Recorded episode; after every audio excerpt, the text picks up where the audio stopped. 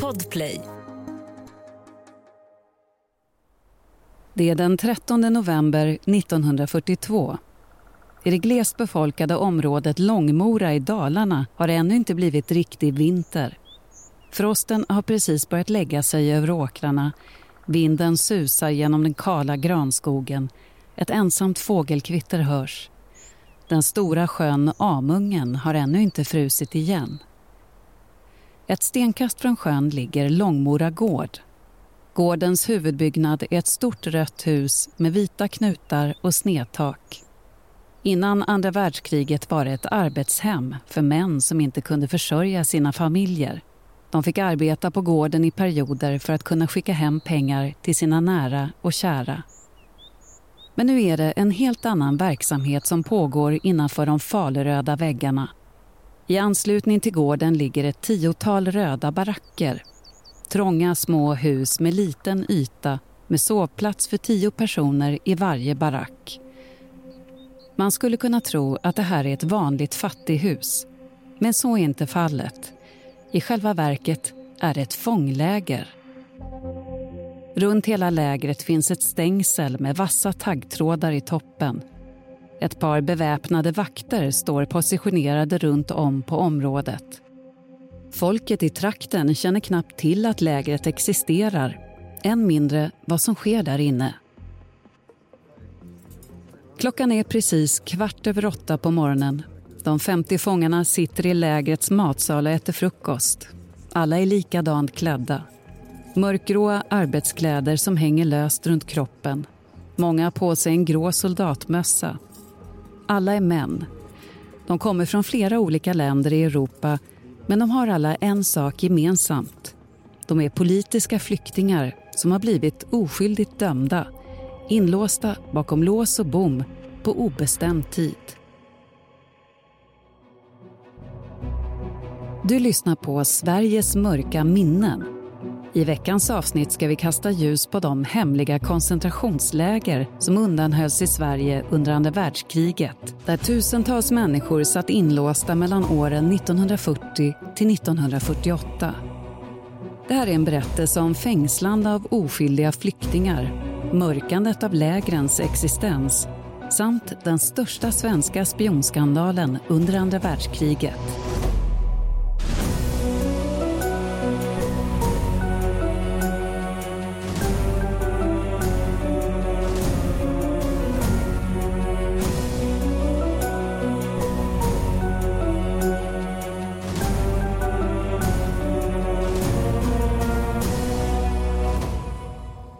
En av de fångar som sitter där i matsalen på Långmora är Adam.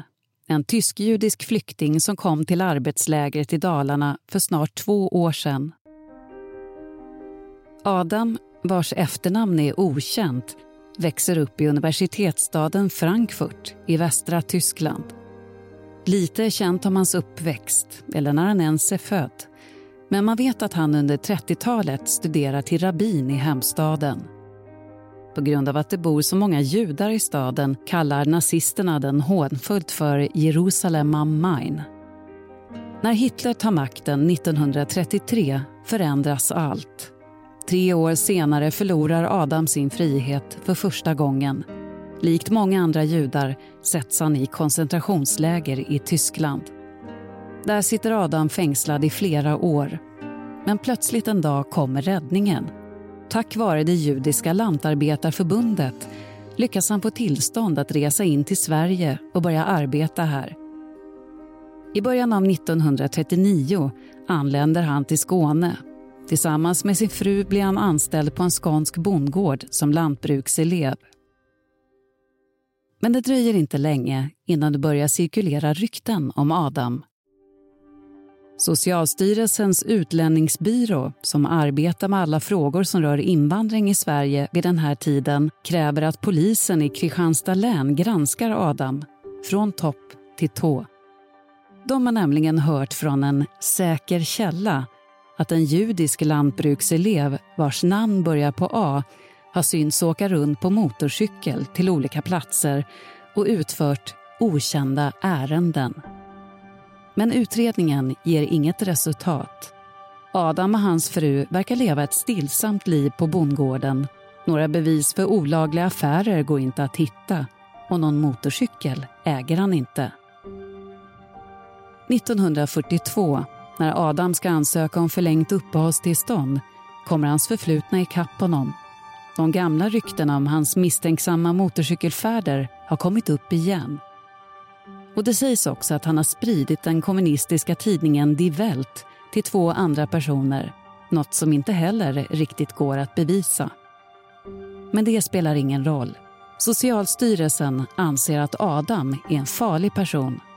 Han ska nu placeras i Långmoralägret på obestämd tid. 60 mil bort från sin hemort i Skåne. Adams dröm om att hitta en fristad i Sverige är nu krossad. Men inte bara det. Han måste också skiljas åt från sin fru. Kanske hans enda trygga punkt här. Ingen av dem vet heller när eller om de kommer att ses igen. Den 12 september 1942 tar Adam sina första kliv in i fånglägret i Dalarna ovetande om sin framtid. Men hur kunde det då gå till så här? Att en oskyldig judisk flykting döms till fångenskap på grund av rykten och felaktiga uppgifter utan några egentliga bevis. För att förstå det måste vi backa bandet lite och fördjupa oss i Sveriges politiska läge under andra världskriget. Hösten 1939 blåser krigets vindar i Europa. Den 1 september invaderar Hitler Polen och det blir startskottet för andra världskriget. I november inleds sedan det finska vinterkriget mellan Finland och det kommunistiska Sovjetunionen. Efter några månader av hårt motstånd är finländarna besegrade. I Sverige ser man på nära håll vad som kan hända om man sätter sig upp mot det mäktiga Sovjetunionen. Det här leder till en utbredd folklig vrede mot kommunister bland svenskarna. Det finns en stor rädsla för att Sverige ska gå samma öde till möte som Finland och man är också rädd för en tysk invasion när Hitler erövrar fler och fler länder. I april 1940 invaderar Tyskland både Norge och Danmark. Snaran runt Sveriges hals dras åt ännu mer. Sverige, som är uttalat neutralt under andra världskriget vill undvika en invasion till varje pris, både tysk och rysk. Nazitysklands krav på de neutrala länderna är hårda. Till exempel kan allt för nazikritiska artiklar i den lokala pressen ses som en krigsorsak. Men den svenska regeringen är beredda att lyda minsta vink från Tyskland. Rädslan för en attack är alltför stor. Och ur den här rädslan föds en skärpt misstänksamhet mot utländska flyktingar som man menar kan vara potentiella spioner och sabotörer som hotar landets säkerhet. Men var ska man då göra av de misstänkta politiska flyktingarna som vistas i landet? Det är nu som idén föds om att bygga koncentrationsläger i Sverige. De två första lägren byggs i Dalarna närmare bestämt i orterna Långmora och Smedsbo några mil utanför Borlänge respektive Falun. Långmora, som vi nämnde tidigare i avsnittet, är det större av de två lägren med plats för 150 fångar. I Smedsbo har man plats för 60 intagna. I mars 1940 är bygget av Sveriges första koncentrationsläger färdigt men några större fysiska likheter med Tysklands koncentrationsläger finns inte. I mitten av lägren finns en huvudbyggnad där administrationen, vakterna och övrig personal har sina bostäder. En bit bort ligger flera baracker där de intagna bor. Runt omkring hela lägret löper ett staket. Med åren kommer man att bygga fler och fler läger runt om i landet de flesta ligger i mellersta Sverige, men det finns också några i Norrbotten och Skåne. Totalt byggs det 14 hemliga koncentrationsläger. En exakt siffra på hur många som sitter fängslade genom åren finns inte. Men experter tror att det rör sig om totalt 3 000 intagna. Men kan man då verkligen kalla de här platserna för koncentrationsläger? Ett ord med så tydliga associationer till de förintelseläger i Tyskland där miljontals judar satt fängslade och systematiskt mördades. Även om lägren i Sverige var okända för den stora massan fanns det personer redan då som var kritiska och som kallade det för koncentrationsläger. Och fast det inte pågick folkmord i de svenska lägren så hade man ändå rätt att benämna dem så. Den amerikanska journalisten Anne Applebaum definierade begreppet koncentrationsläger som en plats dit en person förs inte på grund av det hen gjort utan på grund av det hen är. Vilket i allra högsta grad gäller de utländska flyktingar som satt fängslade i Sverige. Vilka är det då som sitter fängslade i de svenska lägren? I början av kriget är det i första hand utländska kommunister och antinazister. Människor som man anser är ett hot mot Sveriges säkerhet som kan skada landets neutralitet. Men det finns också ett tydligt mönster kring vilka man väljer att fängsla och med åren kommer det att ändras beroende på hur det går i kriget. Mellan 1940 till 1942 är i princip alla interner Hitlermotståndare en tydlig signal till Nazityskland att Sverige vill hålla sig på god fot med fyren. Men i takt med att Hitlers krigslycka vänder kommer man att låsa in nya typer av människor. Men mer om det lite senare.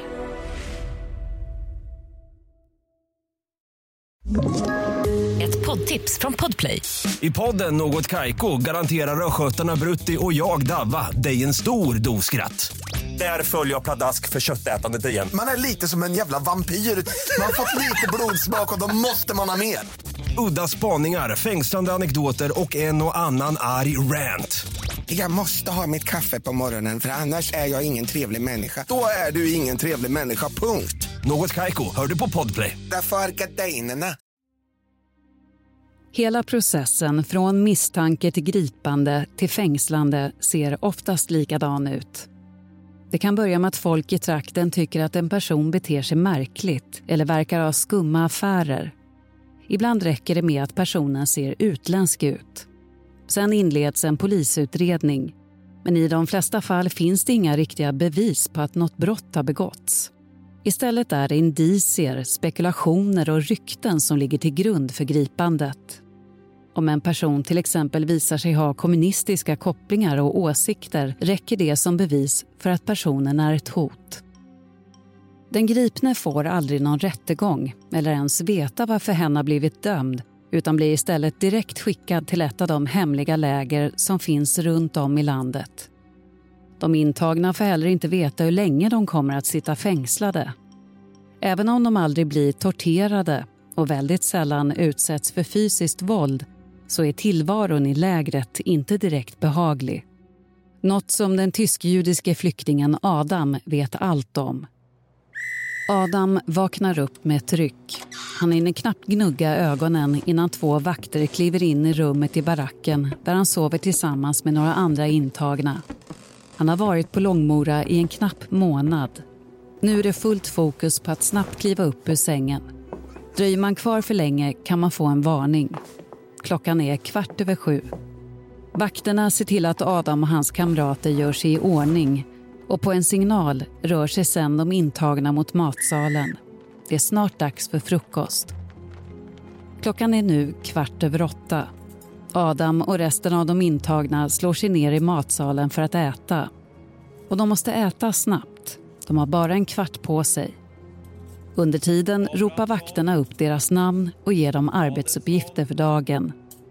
Adam tilldelas skogsarbete, en av de tyngsta arbetsuppgifterna.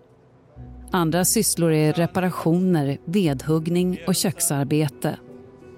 Efter den korta frukosten är det dags att bädda sängarna och städa rummen. När klockan slår nio måste de vara klara och redo för dagens hårda arbete. Klockan 12 är det dags för lunch i matsalen. Efter en timme behöver Adam och resten av de intagna återgå till arbetet i skogen. Några timmar senare är de klara för dagen. När klockan har slagit tre får de eftermiddagskaffe. Därefter får internerna göra sina fritidssysslor. Adam brukar oftast läsa böcker eller skriva brev till sin fru. Efter det är det dags för middag. Klockan halv elva på kvällen ska det vara tyst och släckt. Adam lägger sig ner i sängen. Han är trött efter dagens hårda slit. Om några timmar börjar allt om igen. Han vet fortfarande inte varför han sitter inspärrad i Långmoralägret eller hur länge han måste sitta där. Och han kommer aldrig någonsin att få veta varför. En viktig person i den här berättelsen är Robert Paulsson chefen för Utlänningsbyråns kontrollavdelning på Socialstyrelsen. Hans kollegor beskriver honom som aggressiv, oartig och bufflig. Utlänningsbyråns främsta uppgift är att registrera och kontrollera alla utlänningar och avgöra vilka som får stanna i landet eller inte. På kontrollavdelningen har man extra koll på de flyktingar som anses vara en säkerhetsrisk. Avdelningschefen Robert Påsson har alltså personligen stort inflytande över vilka som hamnar i lägren. Han är känd på Utlänningsbyrån för sitt ogillande av kommunister, antinazister och judar och sin hårda attityd mot dem. En attityd som några år senare kommer att kulminera i en stor skandal i Sverige. Mer om det alldeles strax. I början av kriget är det just kommunister och antinazister, mest tysktalande statslösa och judar som är överrepresenterade i koncentrationslägren. Men i takt med att det börjar gå sämre för Hitler så ändras grupperna av intagna. Från slutet av 1942 och framåt, när det börjar vända för de allierade, börjar nya typer av flyktingar dyka upp. Nu är det istället allt fler personer med misstänkta nazistsympatier som fängslas. Under 1943 förlorar Tyskland slag efter slag. Förändringens vindar är definitivt igång. Under hösten kräver främst Sovjetunionen att Sverige ska sluta stryka Tyskland medhårs och ansluta till de allierade. Sagt och gjort. I september avslutar den svenska regeringen sitt handelsavtal med Tyskland och skriver sedan på ett nytt avtal med de allierade. Man försöker även visa sin samarbetsvilja på andra sätt. I oktober 1943 tar Sverige till exempel emot 7 500 danska judar och flera andra grupper av danska flyktingar. Tillbaka till Robert Paulsson det har nu blivit 1944. Påsson är fortfarande en mäktig man på Utlänningsbyrån men hans lysande stjärna börjar falna. Hans avsky och hårda tag mot kommunister, judar och antinazister är inte längre lika populärt. Tiderna har förändrats. Han har också fått mindre officiell makt när det gäller att bestämma enskilda flyktingars öden. Men det hindrar inte Påsson. Han lägger sig fortfarande i trots att ingen har bett honom. Den redan illa omtyckta avdelningschefen gör det inte lätt för sig på kontoret. Men för Robert Påsson kommer det bara att bli värre. Senare samma år kommer hans rätta jag att träda fram och det blir början på slutet för den hemliga lägerverksamheten i Sverige. Det är sen höst 1944 Allmänna säkerhetstjänsten, föregångaren till dagens Säpo, har fått upp ett nytt spår. Deras måltavla heter John Alexander Lönnegren en Uppsala-akademiker som man misstänker är en tysk spion. Ett år tidigare har man börjat avlyssna Lönnegrens telefon. Det visar sig då att han och Robert Paulsson är gamla bekanta. Men inga misstankar riktas mot Paulsson. Efter ett år av telefonavlyssning är säkerhetstjänsten övertygad om att Lönnegren är spion. Men det fattas fortfarande viktiga pusselbitar.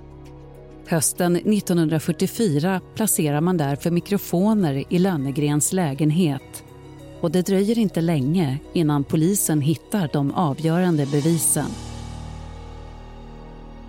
Den 6 december kommer ingen mindre än Robert Paulsson på besök hemma hos Lönnegren.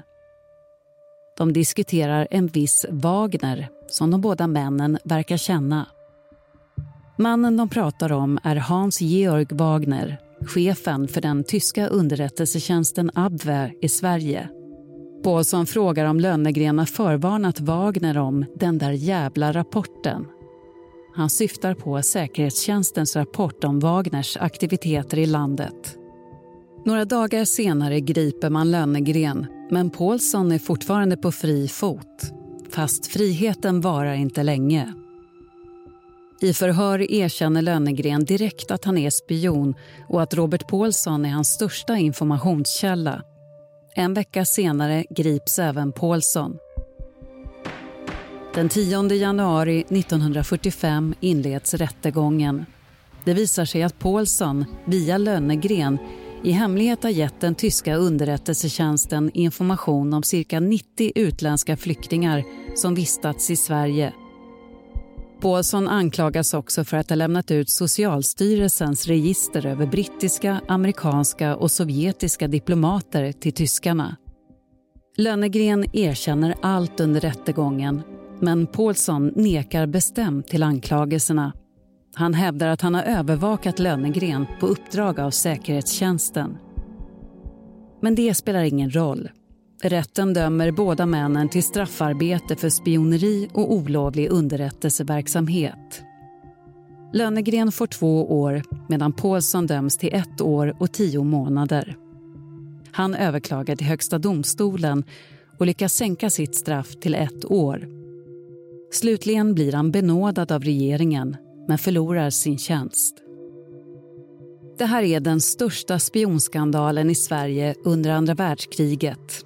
Pressen skriver flitigt om Paulssons dom. Ledningen för lägren är djupt chockad över att en av deras högst uppsatta tjänstemän är en tysk spion. Regeringen anser att det är dags att granska vad som egentligen har hänt i Sveriges koncentrationsläger.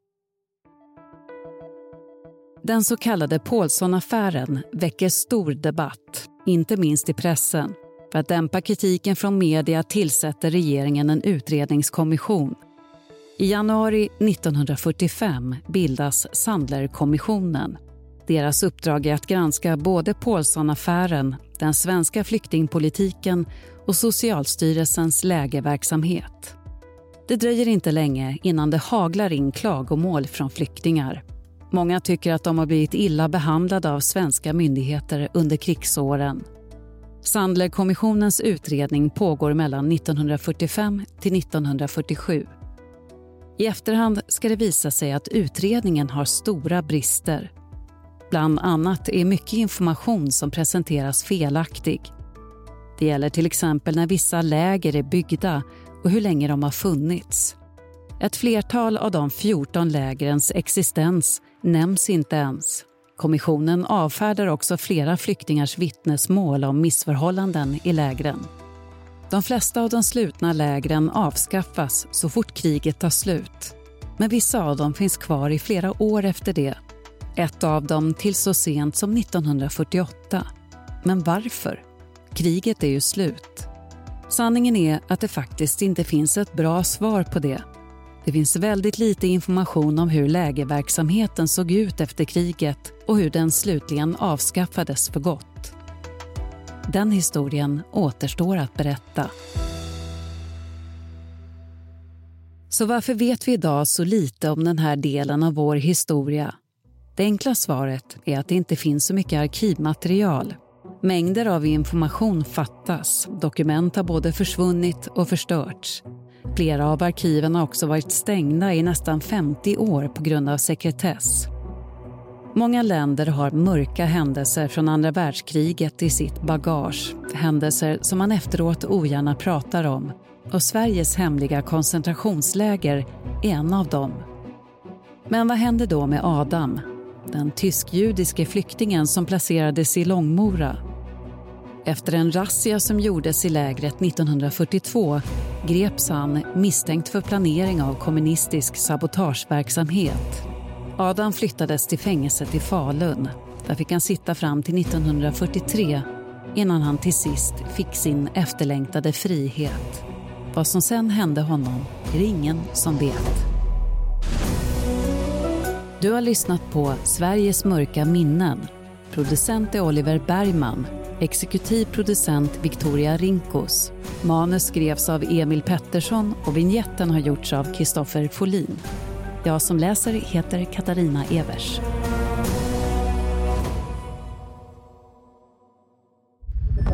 Podplay, en del av Power Media. Poddtips från Podplay. I podden Något Kaiko garanterar östgötarna Brutti och jag, Davva, dig en stor dos skratt. Där följer jag pladask för köttätandet igen. Man är lite som en jävla vampyr. Man har fått lite blodsmak och då måste man ha mer. Udda spaningar, fängslande anekdoter och en och annan arg rant. Jag måste ha mitt kaffe på morgonen för annars är jag ingen trevlig människa. Då är du ingen trevlig människa, punkt. Något Kaiko, hör du på Podplay. Därför är gardinerna.